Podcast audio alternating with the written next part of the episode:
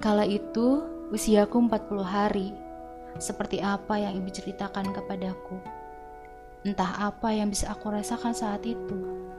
Hanya saja ibu berkata, setelah dirimu lahir, di hari ke-40 ayah pergi meninggalkanmu. Hancur, sehancur-hancurnya. Ayah pergi bukan karena Tuhan yang memanggil, tapi emosinya yang mengalahkan rasa cinta kepadaku. Aku berpikir, apa ini kesalahanku? Apa ini karena keberadaanku? Ya Tuhan, jika memang kehadiranku meruntuhkan cintanya, kau boleh memanggilku kembali. Itu yang kumohonkan kepadanya. Ternyata, waktu mengalahkan segala doaku, Tuhan masih mengizinkan aku untuk hidup.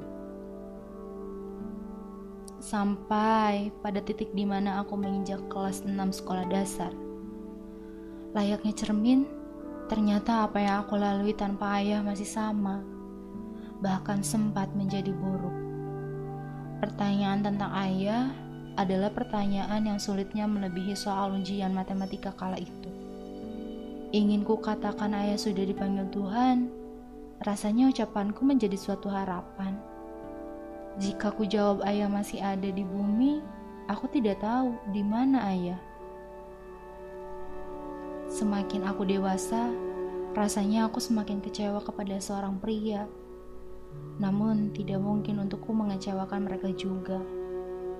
Rasa yang ayah tanamkan padaku ternyata membuat aku justru tidak mau menyakiti yang lain. Hal itu hanya membuat mereka tidak menyukaiku. Sama halnya seperti emosi ayah yang mengalahkan rasa cintanya kepadaku. Ayah, izinkan aku bercerita. Saat ini apa yang harus aku lakukan? Saat di mana orang-orang bertanya padaku kapan aku akan menikah. Tapi justru aku takut untuk mengenal seorang pria. Bagaimana aku harus mencari sosok pria yang tulus? Siapa yang bisa menjadi contoh pria tulus itu, ayah?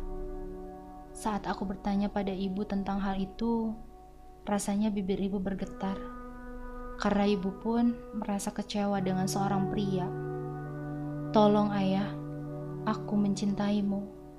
Aku menyayangimu. Tapi aku tidak tahu harus berbuat apa dalam menjabarkan rasa cintaku pada ayah. Maafkan aku. Ternyata waktu yang mampu membantuku untuk ikhlas walau ayah tidak pernah kembali.